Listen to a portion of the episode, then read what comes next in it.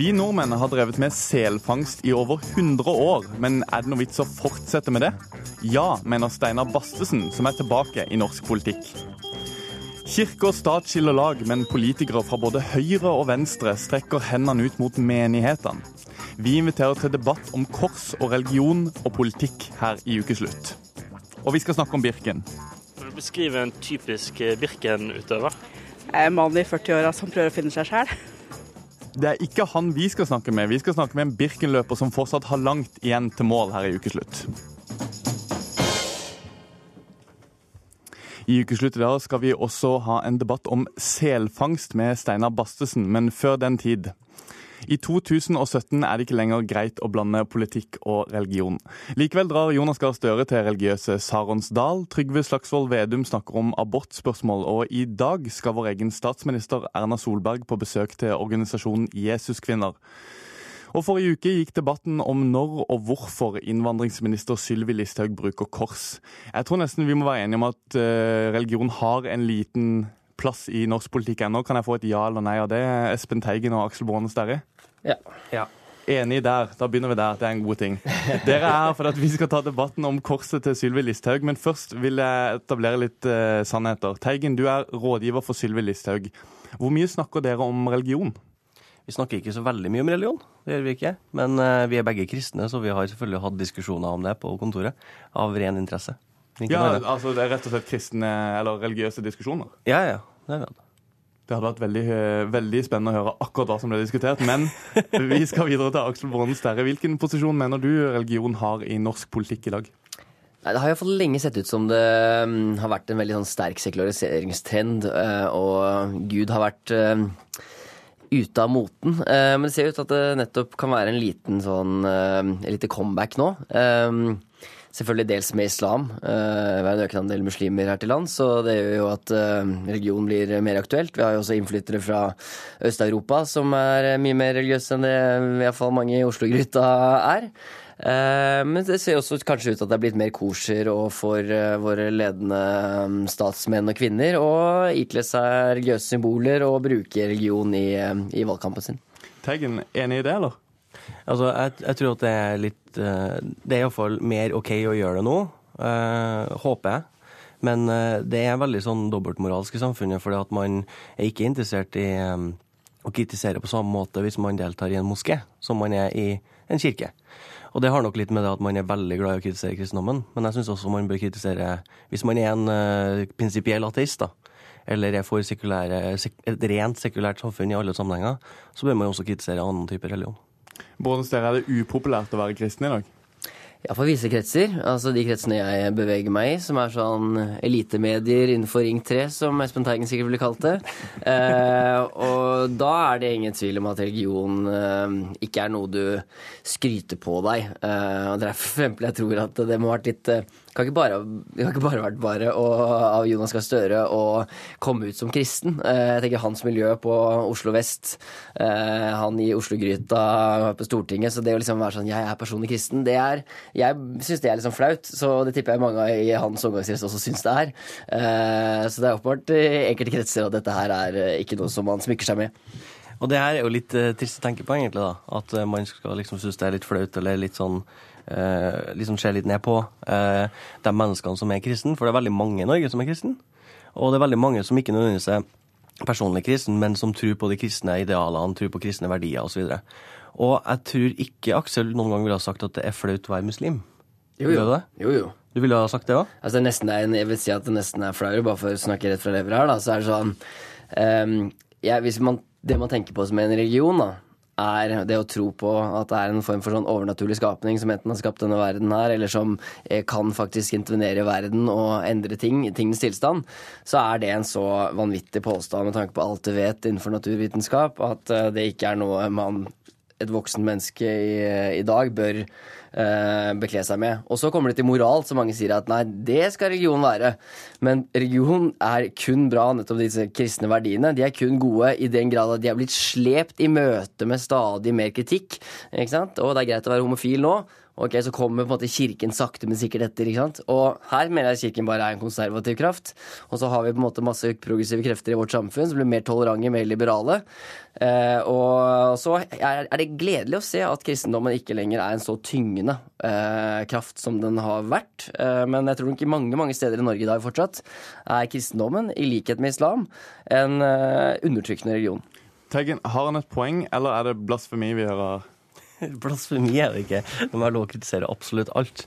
Eh, jeg syns at eh, kristendom eh, utvilsomt har en viktig plass for mange. Og det er det jeg syns er viktig å skille litt her. For at jeg tror også Aksel kjenner folk, selv om han er en medieelitefyr fra innenfor Ring 3, kjenner folk som kanskje ikke er de dypeste kristne, men som syns at, at kristendommen har en viss form for funksjon i samfunnet, altså kristne verdier. Og det man mener med det, er jo veldig mange forskjellige ting. Men at det er utvilsomt at eh, samfunnet vårt har blitt eh, forma i stor grad av kristendommen. protestantiske kristendommen. Og det kan man jo ikke stikke under en stol. Nei, og, det, og det merker man vel også, for vi er på vei inn i denne korsdebatten nå. Vi har ikke absolutt all tid i hele verden, men, men dette, dette, var en debatt forrige uke som begynte med at uh, journalist Sven Egil Omdal i Stavanger Aftenblad mente å ha funnet bevis på at Sylvi Listhaug bruker korset mer nå for å skaffe seg velgere. Han hadde ikke søkt gjennom hele Scampix-databasen, noe som endte opp med at eh, Sylvi Listhaug kalte det her det mest nedrige angrepet jeg noensinne har sett. Bråne Sterri, du gikk ut og forsvarte Omdal.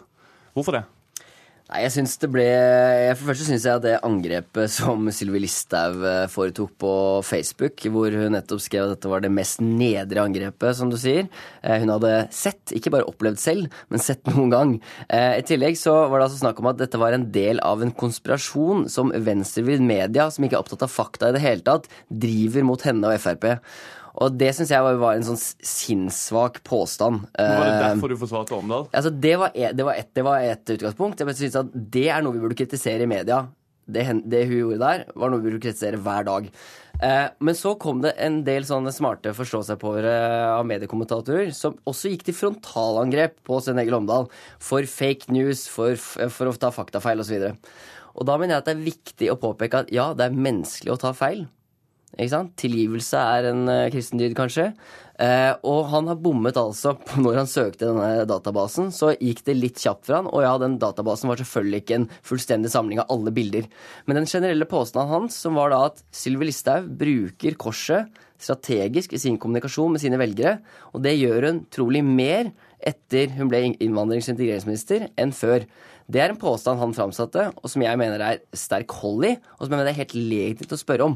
Så jeg syns at folk har bare her har vært altfor hatt et helt feil forhold til hva eh, relevansen av fakta.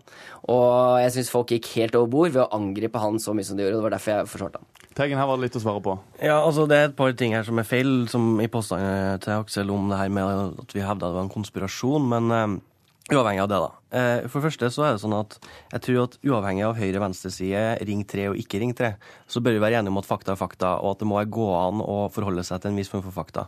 Og det, jeg syns det er veldig forfriskende at norske medier, faktisk veldig mange av dem, kritiserte Omdal sin eh, lemfeldige faktasjekk. Eh, og så er det sånn at man må jo gjerne spørre om hvorfor noen bruker et kors eller ikke. Det må man jo gjerne gjøre. Men jeg syns det er trist at Aksel er med på å legitimere at man trenger ikke å bry seg så veldig mye om fakta eh, når det er angrep på Sylvi Listhaug. Mens Dagbladet kjørte en utrolig hard linje mot NRK Dagsrevyen når det gjelder Oslo øst, der det er voldsomt hvor viktig faktasjekk er eh, i forbindelse med denne reportasjen. Så det er åpenbart at man er ikke så veldig konsekvent eh, i måten man, man tenker på. Og jeg tror, at, jeg tror at det er sånn at man skal ikke være med på eh, akseptere at eh, media kan bare fremsette påstander uten å faktabelegge dem. For det må også politikere gjøre. Og det er det, men det er det ingen. Det er ingen som mener at ikke man skal ha fakta i hold. Det som man må også spørre seg, er hva er de relevante fakta? Du kan f.eks. tenke deg det som var problemet med NRK-reportasjen, hvor de nettopp hevder at det var 100 gjenger på Oslo øst, og at halvparten røyka hasj og halvparten solgte hasj, eller noe sånt noe. Så var det basert på et helt selektivt kildevalg. Så selv om de mange forsvart seg i NRK med å si at nei, nei, altså vi har bare sagt at uh, vi, noen vi har snakka med, sier det, at dette er tilfellet. Men så hadde de ikke sjekket andre kilder. Og Så det var på en måte sant at noen hadde sagt det de sa, men de hadde brukt et veldig selektivt kildeutvalg. Og det er det vi må spørre oss, er jo ikke Oi, bomma Svein Egil Omdal på ett eller to bilder? Eller søkte han ikke hele databasen? Vi må spørre oss om er påstanden hans korrekt, selv når vi korrigerer for fakta? Det, det, skal du få lov til å svare på helt avslutningsvis, Espen Teigen. Problemet her er jo det at NRK har beklaga for den ene feilen de hadde gjort i den reportasjen, mens Sven Egil Omdal har fortsatt ikke beklaga ordentlig for det han gjorde. Og det er det som gjør at folk flest også blir forbanna å reagere på den venstrevriddheten, det er jo fordi at man ikke klarer å bare beklage og bli ferdig med en sak. Man er for pompøs, man er for arrogant og klarer ikke å innse det. Da sier vi tusen takk for at dere kunne komme, Aksel Bornestad og Espen Teigen. Så kan vi informere om at vi spurte Omdal om han ville å komme hit til debatt, men det ønsker han ikke.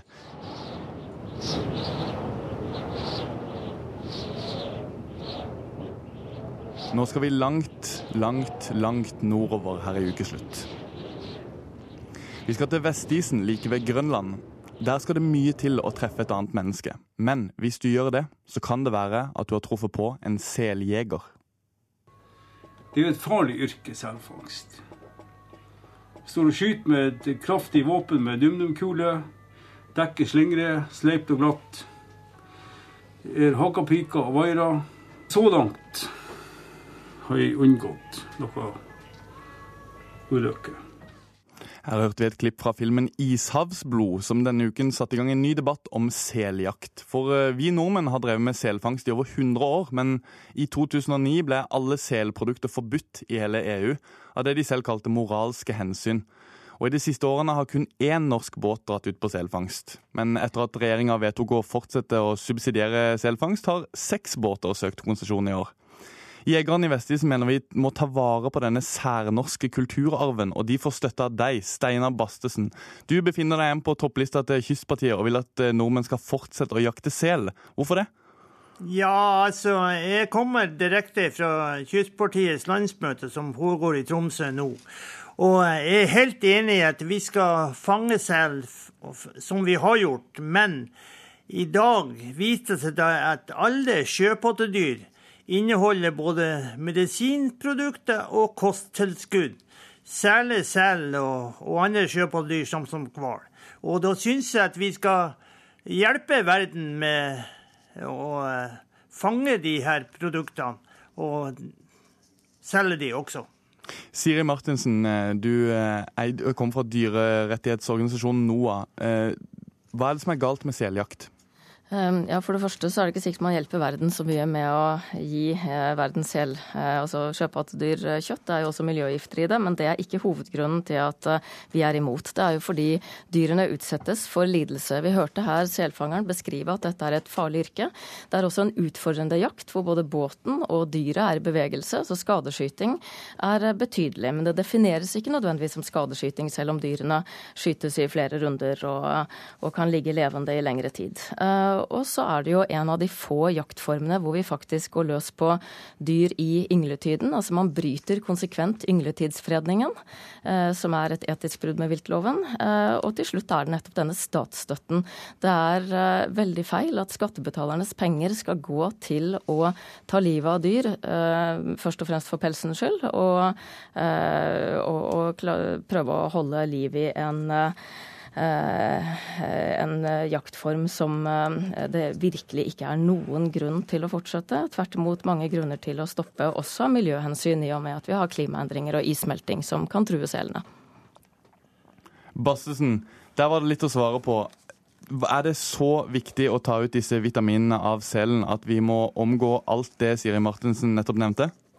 Alle fangsting og alt fiske er basert på produkter fra naturen. Og eh, det er ikke noe nytt hos Siri Martinsen og, og NOAH. At hun eh, representerer NOAH, det, det forstår jeg godt. Det har hun gjort bestandig. Men vet dere forskjell på en organisasjon og en bedrift? Det skal du få lov til å fortelle meg. Forskjellen på en organisasjon og en bedrift? Ja, det kan jeg godt fortelle. En organisasjon, den har et landsmøte og velger sin leder og velger sitt styre på grunnlag av medlemstallet i denne organisasjonen. En bedrift derimot utpeker sin leder og utpeker sitt styre basert på eierskap i bedriften. Så jeg må spørre etter NOAH. Når tid hadde de generalforsamling, og når tid valgte de sin leder? Kanskje det er en bedrift som tjener penger på å spre uvit vitende mennesker et budskap som Ja, de tjener penger på på ved å presentere Det er for svare på. Det er litt nostalgisk å høre deg være i den eh, helt der oppe, Bastesen. Men Sira Ja. Martensen, du skal få Ja lov å svare. Da kan jeg jo si at vi i likhet med dere har årsmøte i dag. Um, Men det er mange typer uh, organisasjonsformer. Det er stiftelser, det er uh, politiske oppbygninger osv. Så, videre. så, må- så en vi må- bedrift er vi ikke. Vi har støtte i nesten altså ca. 9000 medlemmer, og det er jo langt uh, flere enn da vi startet for uh, over 25 år siden. Og det viser jo nettopp den større bevisstheten om dyrs rettigheter, og at folk ønsker å støtte dyrs rettigheter. Derimot så har vi jo aldri fått det Kjære deg, nå må jeg få snakke, siden det er min tur til å snakke.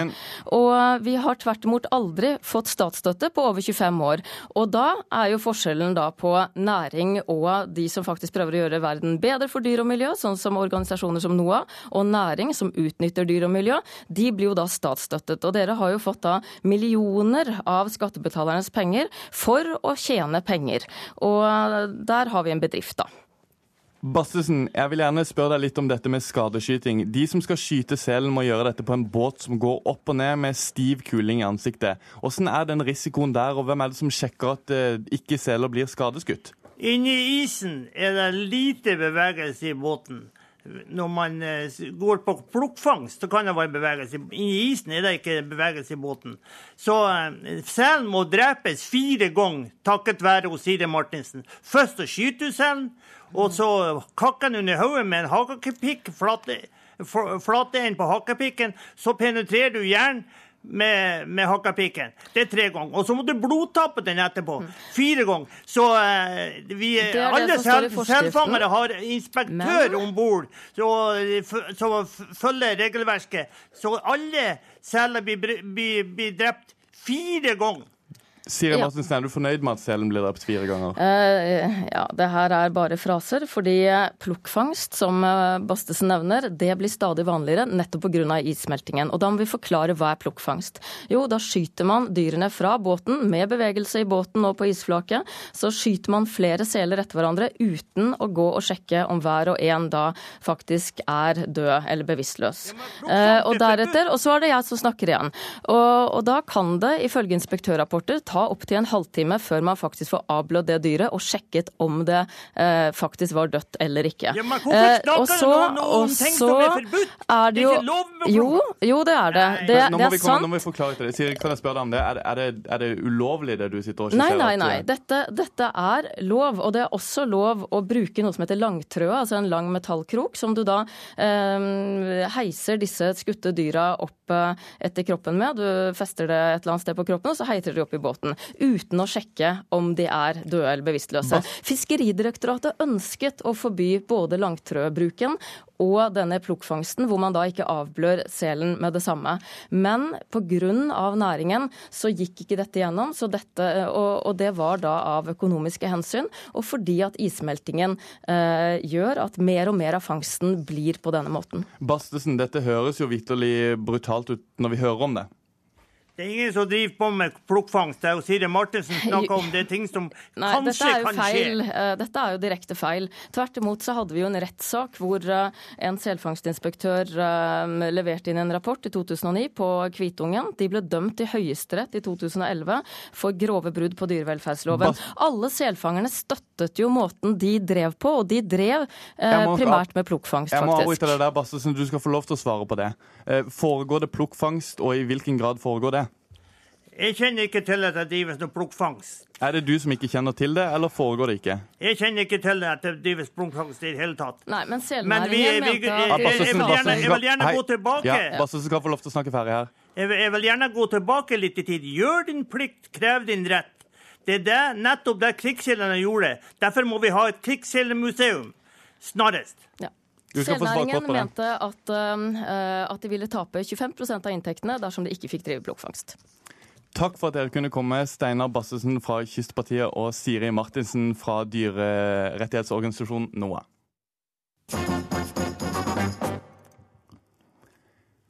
Dagens russelåter får mye kritikk for å være drøye og støtende, men var det egentlig noe bedre før? Eh, hvert år kommer russen med sine nye sanger, og de blir drøyere og drøyere. Folk reagerer sterkt med tekstlinjer som 'Er du 13, er du med', 'Når du suger, så gå ned', 'I kveld er det lov å være hore', og lignende. Er det kanskje ikke så rart at det blir debatt. Men prøver russen egentlig bare å overgå tidligere artister? Vår reporter Natalie Kristiansen dro ut for å undersøke tidligere musikkhistorie, og oppdaga både en forbudt bannelåt og en stønnende Jane Birkin.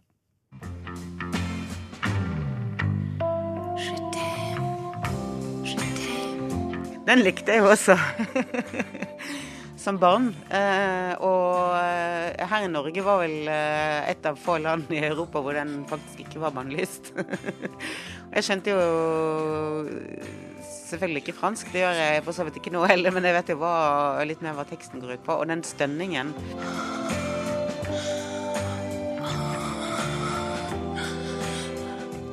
Eh, hvis du ikke er helt eh, har et seksuelt språk eller uh, har vært borti den type aktiviteter, så jeg vet ikke hva jeg trodde de drev med, men jeg syns den var kjempefin.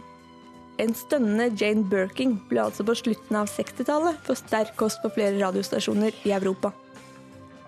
Ikke her i Norge derimot, som musikksjef i P13 Kristin Vincents er inne på.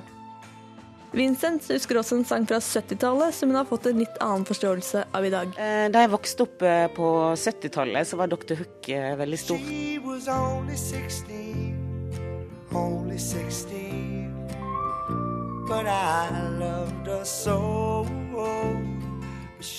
Og en av de største hitene er vel 'Only 16'.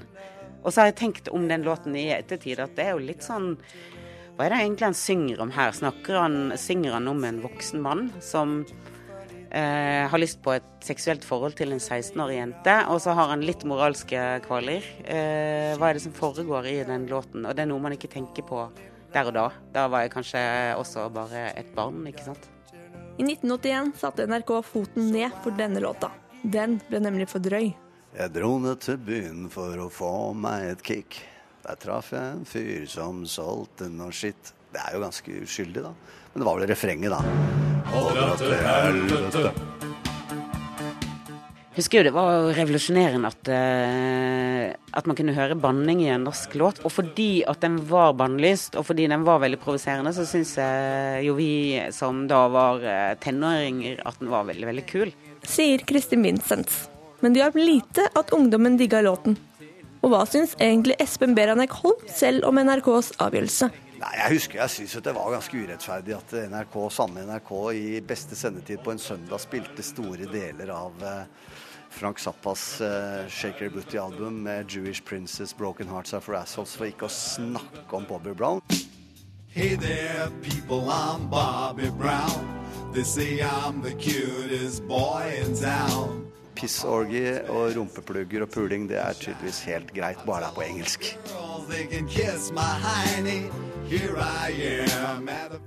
Men så kom 90-tallet. Tiåret da dagens russ etter hvert kom til verden. Ble det noe bedre da? Musikkjournalist Asbjørn Slettemark. Husker godt en låt som fikk mye oppmerksomhet. På 90-tallet ble det en uh, liten kontrovers av en låt som mange oppfatter som støtende, nemlig norsk-svenske Clawfingers 'Nigger'.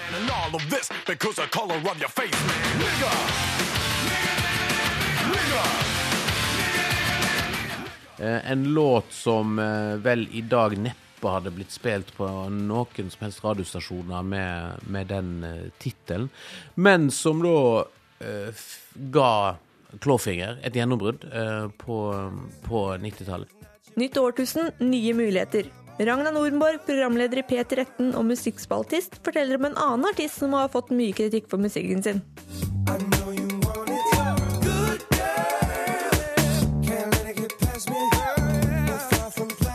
Kritikk. Det er han jeg kommer på når man snakker om misogyni og kvinnehat i pop.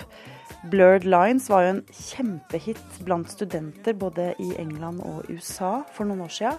Og i den forbindelse så dukket det opp en beskrivelse av hans musikk og hva slags type tekster dette var, som de kalte for rapey music. Nå er ikke alle helt enige at det er oppfordring til voldtekt, men det er ganske drøyt det som eh, er eh, i låta, hvis man hører.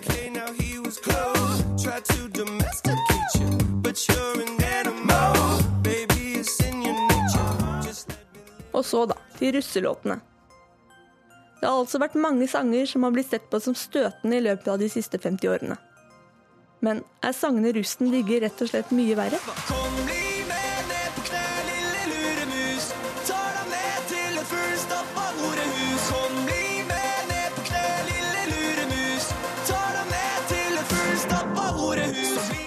Tilhører vel Nå har jeg blitt så, så gammel at jeg tilhører den uh, voksne delen av befolkningen som blir sånn utrolig opprørt hvert år når jeg leser hva de faktisk synger i disse russelåtene.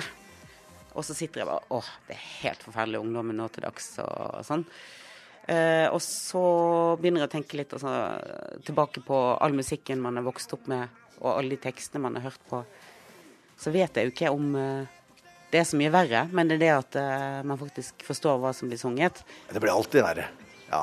Og det syns i hvert fall vi gretne gamle gubber at det blir.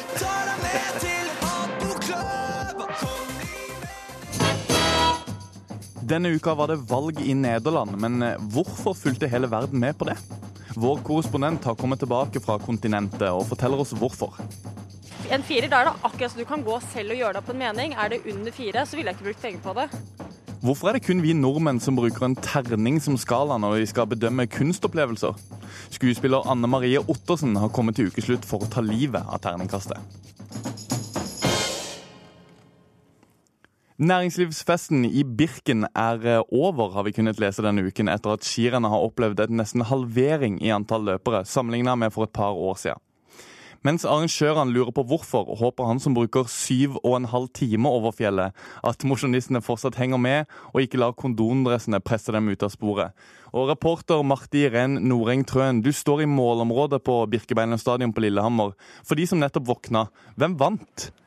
Jo, i herreklassen så var det Martin Jonsrud Sundby som vant ganske overlegent, eh, i trass i at han hadde et uhell ca. to mil før eh, mål der. Så kom han alene med målstreken rimelig fornøyd, og i, i kvinneklassen så var det Justina Kowalczyk fra Polen da, som tok eh, kransen i dag. Løp, løperen har gått 52 km fra Arena i Østerdalen over fjellet ned til Lillehammer i Gudbrandsdalen. Hvordan er stemninga i målområdet? Nei, vet du, den, eh, Det er ikke så høyt energinivå som en kanskje skulle tro. De fleste er så sletne, og du ser snørr og spytt og svetten renn. Men det har strøyma på. altså Veldig veldig, veldig mange løpere her. Og til med kronprins Haakon måtte innrømme at nå var han veldig glad for å komme i mål. Så jeg tror det har vært tungt, men fint eh, over fjellet. Og det ser jo veldig ut som det er fryktelig mange, men det er faktisk under 9000 som eh, deltar i år. Jeg står her sammen med Birken-sjef Jo Gunnar Ellevold. For to år siden var det 17 000 påmeldte. Hvorfor er det så mange som har droppa å bli med dere over fjellet i år? Det tror jeg er eh, sammensatt av flere grunner. Men eh, de eh, par siste vintrene har det vært veldig dårlig skiføre i Oslo, Akershus og Buskerud-regionen. I år så fikk de ikke ordentlig skiføre før i februar måned. Og I dette området så bor det rett i underkant av to millioner mennesker, og ca. halvparten av våre deltakere kommer fra denne regionen. Så jeg tror det også har noe med muligheten til å gå på ski sånn som det har vært i år og de siste vintrene. Men Vasaloppet de greier jo fortsatt å rekruttere folk til å være med. Hva er det de får til som ikke de får til her? Ja, vi har nok litt kulturforskjeller. og eh, Jeg har selv gått Vasaloppet, og der ser jeg at der går man for å gjennomføre. De er ikke så opptatt av at de skal ha gått 100 eller 200 mil før de starter. Der starter man med det grunnlaget man har, og så gjennomfører man. Og Det har jeg lyst til å slå et lite slag for i Norge også, for jeg tror det er viktig for folkehelsa at folk setter seg treningsmål for å komme seg ut, og så kan man gjennomføre Birkebeinerrennet med en målsetting om å fullføre, og ikke være så veldig opptatt av tida og at man på død og liv skal konkurrere. Men er det næringslivskonsentrerte mediedekninga? Er det de som har hatt en dårlig påvirkning? Er det rett og slett kondomdressen som har skremt vekk de vanlige skigåerne? Nei, Jeg tror ikke det. Det er klart at uh, Dagens Næringsliv, Finansavisa fokuserer på sine deltakere, men vi skal huske på at det utgjør en liten andel av totalen her. Cirka halvparten av våre deltakere de uh, har en målsetting om å slå tida fra i fjor, slå kollegaen eller kameraten, eller rett og slett bare fullføre. Og her er det iallfall folk som strømmer på hele veien her, og det kommer nok til å komme birkebeinere over målstreken her til langt utover ettermiddagen og kvelden i dag. En av de som eh, ikke er kommet i mål, er Tom Helgesen fra Sarpsborg. Han starta for en fire timers tid siden og befinner seg nå et eller annet sted oppe på fjellet. Vi kaller han ukeslutts egen Birkenløper, og jeg fikk snakka med han da han var på hytta i Løten i går og varma opp. Men før vi hører på han, så la oss sjekke ut folks forestilling om den typiske Birken-skiløperen. Du, jeg lurer på, Hva tenker du på hvis jeg sier Birken? Birken. Eh, Trikot, solbriller. Jeg tenker på et skirenn. Jeg er en mann i 40-åra som prøver å finne seg sjæl. Kanskje godt trent, eller så er han ikke godt trent i det hele tatt. eh, Litt seig, eh, traust nordmann på eh, 40 midtlivskrise-ish. Jeg tror han eh, er høyt utdannet, har høy årsinntekt og veldig opptatt av å trene. Hva slags musikk hører de på når de går? Han hører på uh, The Final Countdown eller noe sånt. Jeg tenker en, eh, en leder som vil opp og fram her i livet. Livet har gått litt for fort, og så plutselig så er det oi, nå må jeg plutselig konkret ha et resultat. Enda en ting å ha på CV-en. Der hørte vi altså Folkets dom, og da vi snakka med Tom Helgesen i går, spurte vi om han kjente seg igjen i denne beskrivelsen. It's the final countdown. Det, det den, var jo, den var jo stor. Den husker jeg jo. Det er lenge siden jeg har hørt den nå. Men hvis, hvis en typisk eh, Birken-løper er eh, med, med høy inntekt og, og godt trent, så er det vel eh, litt feil. Eh, Det er ikke meg. Ja, Hvordan ble du lurt med ut på det her i det hele tatt? Jeg har en svoger som er halvparten så gammel og dobbelt så godt trent. som og begge er glad i å gå på ski, men med adresse i Østfold så er jo ikke så ofte vi får gått på ski. Og så, så var det vel over et glass rødvin at vi, vi tenkte at, eh, at Birken det er en, en utfordring som vi kanskje bør, eh, bør oss på. Eller eh, ja, i hvert fall så utfordra han meg, og jeg svarte ja. Som sagt over et glass rødvin, og da ble det til det. Hvordan var det å gå i fjor da? Det var en fantastisk opplevelse. Vi, eh, vi hadde jo ikke trent veldig godt da.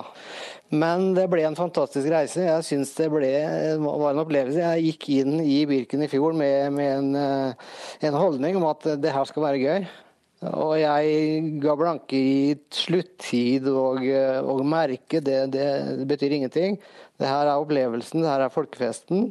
Det her er de personlige seierne som, som er viktig, og de finner du ikke blant de som, eh, som kommer først i mål. altså. Nei, Likevel så, så vet jeg at eh, løpsstrategi er veldig viktig i langrenn, om du skal gå på en time eller syv timer. Hva, hva er din løpsstrategi foran eh, Birken? Min strategi er å gå veldig forsiktig ut, og så roer jeg ned enda mer etter hvert. Det er, det er strategien min.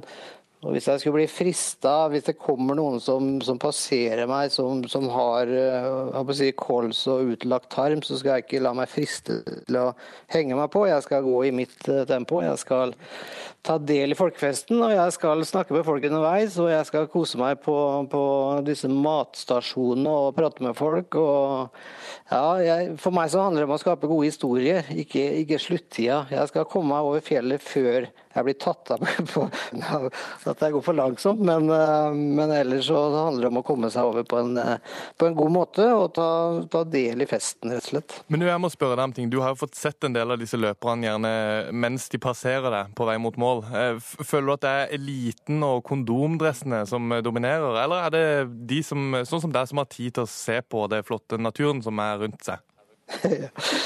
Ja, det er jo det er ikke noe stort problem. Fordi at Når jeg kommer til stadion, så har jo både eliten gått, og de med kondomdress har også gått. Så, så jeg finner jo liksom min flokk da underveis, um, som jeg henger meg på.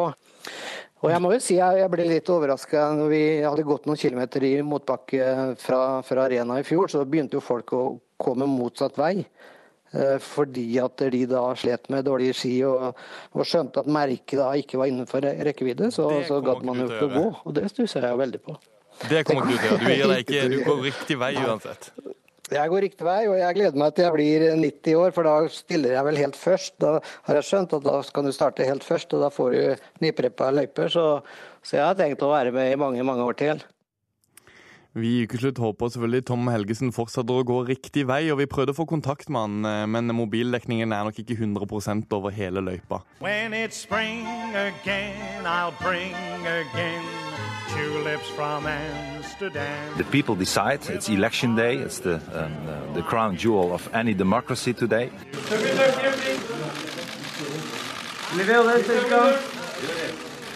I'm no Donald Trump. You cannot compare me to Donald Trump. Most of the press, certainly the Dutch press, are um, not too positive and um, helpful. Uh, they don't have to be helpful, but still very uh, critical. But that's okay. Her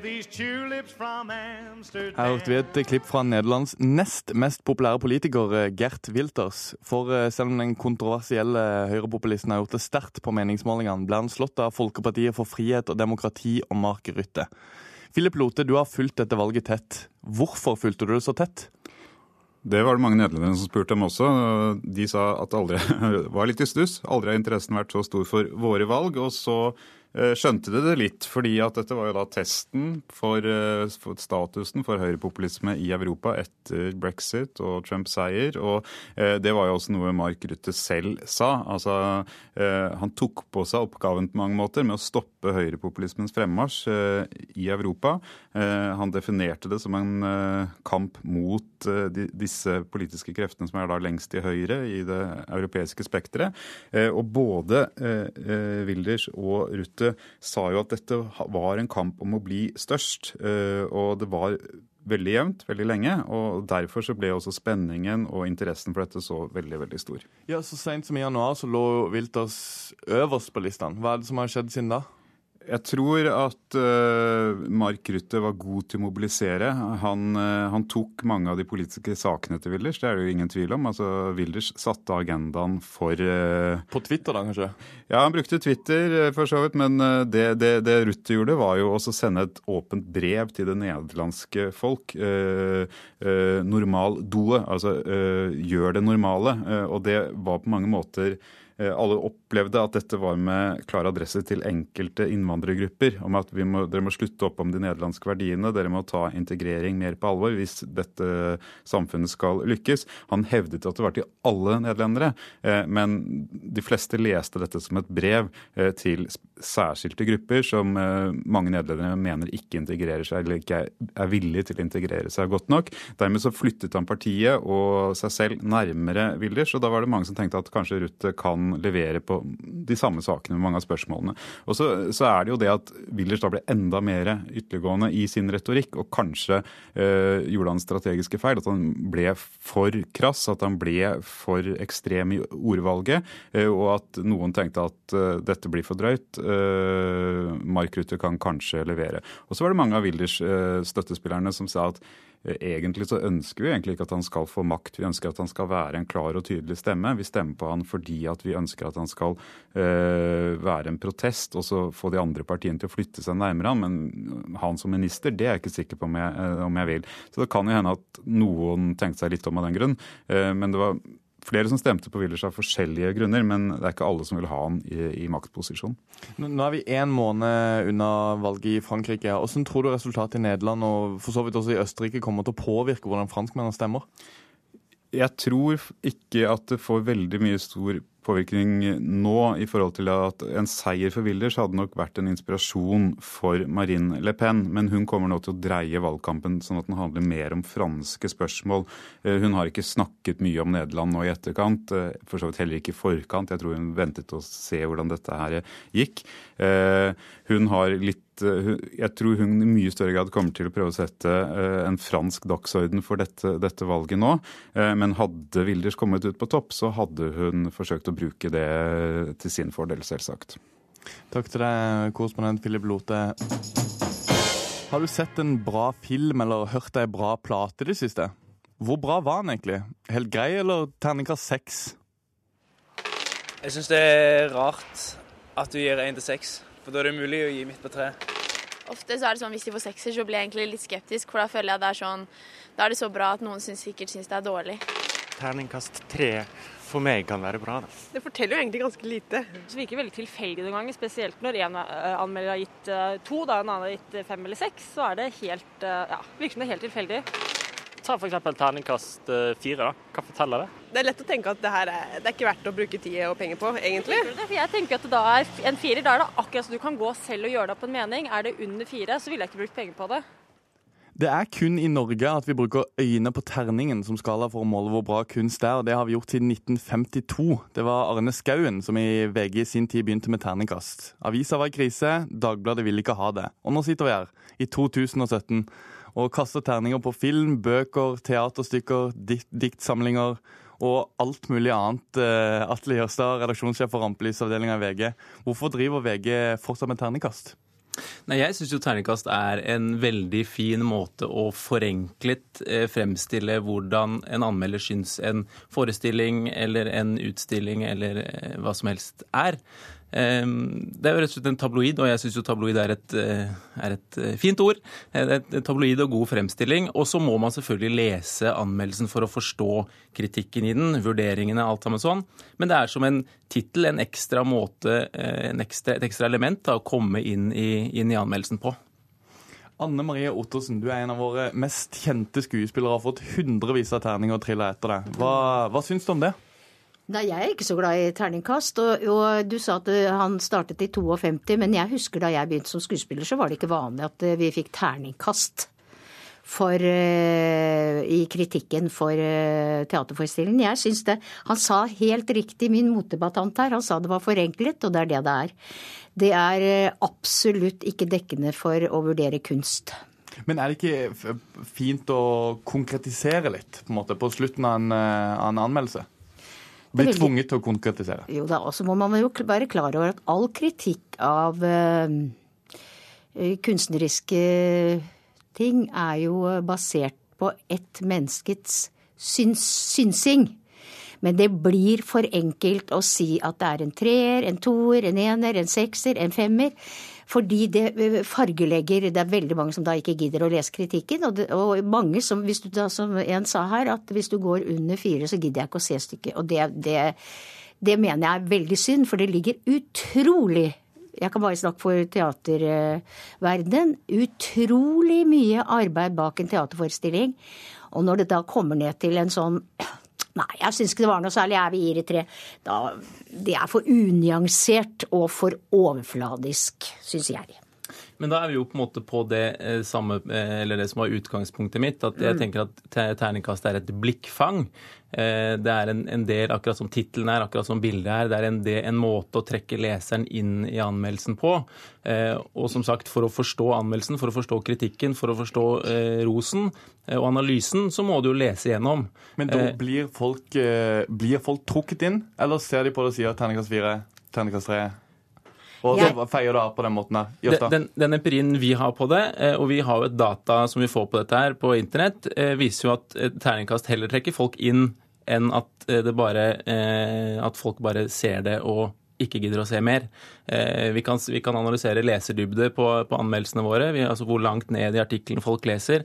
Eh, Og det er ikke sånn at hvis, eh, hvis vi ikke viser fram et terning på, på fronten av avisa, så er det ikke sånn at de bare klikker seg inn for å se på terningkastet, og så klikker seg ut igjen. Det er heller en måte å trekke leserne inn i et stoff og en anmeldelse som de kanskje heller ikke ville sett, ville sett hvis de ikke så terningkastet. Men det som eh, Ja, ok.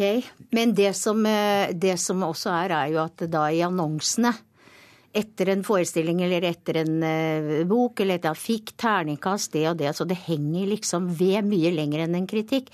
En kritikk som eh, er skrevet i avisen, som altså også er da i beste fall kvalifisert synsing, er jo borte etter den dagen. Og det er ikke disse terningkastene, de henger ved. Og farger da folks oppfatning, uten at de har sett hva det dreier seg om. Kan jeg be deg om et, Har du et eksempel? Har du fått noe dårlig terningkast noen gang? Å, gud. Det har jeg sikkert. kanskje ikke det, ja, det har jeg sikkert. Men vet du, jeg husker ikke jeg, jeg, må innrømme, det har vært så mye jeg husker ikke. Og det er helt klart at jeg har en veldig god fortrengningsmekanisme inni meg som gjør at jeg blir kvitt det jeg ikke vil ha. Men, men, Jøsta, det, det, var jo Men det står jo ofte på bare for å avslutte, det står jo ofte på i annonser og sånn, og så er det jo noen som har vært lure nok til å bruke det feil også, og skriver denne forestillingen fikk 5, 5, 5, 5, 5, 5, 5, 5, 5, 6, 6, 6, og så stemmer det ikke, ikke sant. Det er eh, Så går egentlig skalaen til Ja, ja, 100, og så er det en ganske dårlig film. Eh, Jørstad, det var jo eh, for å si, din egen Arne Skauen eh, fra VG som, som fant opp dette, men han kalte det også i sin selvbiografi som for sitt bidrag til forsøplingen av norsk presse. Får du litt vondt i magen av å lese det, eller å høre det? Nei, jeg er jo bare uenig, egentlig. For jeg, sy jeg syns ikke det er det. Jeg syns det er en tilgjengeliggjøring for, eh, for folk. Og jeg syns jo eh, en av utfordringene i kulturjournalistikken er å, å klare å skape den samme magien som, eh, som Anne Marie her skaper eh, på teaterscenen eller på filmen. Eh, det er vanskelig å skape den samme entusiasmen for journalistikk på det feltet. Og det er vanskelig å skape den samme interessen for journalistikken på det feltet. Og jeg syns at terningkast i anmeldelser eh, gir en sånn tilgjengeliggjøring for folk. Eh, heller, altså, ja, det er en forenkling, men det er også en tilgjengeliggjøring som gjør det aktuelt for et bredere lag av folket. da. Bruker du noensinne terningkast eh, Anne Marie Ottersen, hvis du skal på restaurant eller hvis du skal se en film? Hender det at du dropper en film fordi at den er terningkast tre? Nei, men jeg vet at noen har gjort det om seg selv og sagt at jeg er vel en uh, terningkast uh, tre-type, og så sier de andre nei da, du er terningkast seks. Men, uh, men så det har jo glidd veldig inn, da. Det har jo blitt en veldig eh, vanlig eh, greie å bruke. Men jeg er ikke spesielt glad i det, altså. Eh, Vil det, vil det bli noensinne aktuelt, eller har det vært oppe til debatt i VG å gi seg med terningkastet? Ikke noe, eh, ikke noe vi tenker på nå å gi seg med det terningkastet i det hele tatt. Altså, vi, syns, det fungerer veldig godt eh, sånn som det fungerer. Og så er det viktig for meg å understreke, da. Altså, selv om eh, det å kaste en terning, da får du et tilfeldig, eh, tilfeldig tall på den terningen. Men det er ingenting tilfeldig med et terningkast, sånn som det ble nevnt i den innledende eh, Fem på gata-varianten her. Så det er jo ikke noe tilfeldig. Det er jo, skal du samsvare med analysen, med kritikken som, eh, som ligger der. Eh, Og så kan det være gode og dårlige anmeldelser med, med og uten terningkast. Eh, Men det er i hvert fall ingenting tilfeldig med det. Tusen takk for at dere kunne komme. Anne Marie Ottersen, skuespiller, og Atle Jørstad, redaksjonssjef for rampelysavdelinga i VG. Jeg har fått inn en nyhetsmelding her at det har gått et skred i Hemsedal skianlegg, opplyser politiet. Det er uvisst om noen er tatt av skredet. Frivillige er på plass på stedet, og politiet er på vei. Det har også gått et stort eh, snøskred ved Filefjell. Heller ikke der er det klart om noen er tatt av skredet. Ifølge snøskredvarslingen varsom.no er snøskredfaren betydelig i hele Sør-Norge. Og det leder oss over til eh, værmeldingen. Ja, det gjør det. Og det er jo kjøluft som eh, dekker landet ganske vinterlig mange steder. Det går noen sludd- og snøbyger i deler av Nord- og Midt-Norge i dag, mens det stort sett oppholdsvær og perioder med sol lenger sør i landet. I morgen på søndag så kommer det en front med nedbør inn sørfra. Nedbøren starter i Rogaland og på Sørlandet allerede i morgentimene, og brer seg videre nordover til Stad og Østlandet utover ettermiddagen i morgen. Og Nedbøren i morgen kommer mest som sludd eller snø, men delvis som regn i kystområdene. Og Vinden i morgen øker til sørøstlig opp til kuling langs kysten sør for Stad Dovre, også i høyfjellet i Sør-Norge. Kortvarig sterk kuling på kysten av Rogaland tidlig på dagen. I Trøndelag og i Møre og Romsdal sørøstlig opp til liten kuling og stort sett oppholdsvær i morgen. En del sol i Trøndelag, men det skyer til sørfra i dagens løp. I Nordland for det meste skyet og enkelte snøbyger, men sørøstlig liten kuling og lettere vær sørfra senere på dagen. Troms og Finnmark får enkelte snøbyger i morgen, særlig ytre strøk av Troms og Vest-Finnmark. På vidda og Øst-Finnmark perioder med sol. Vestlig liten kuling langs kysten av Finnmark. På Spitsbergen i morgen nordvestlig bris, enkelte snøbyger langs vestkysten. Ellers oppholdsvær. Og temperaturen over ett-tiden var i Tromsø minus fire grader. Trondheim null. Bergen pluss fem.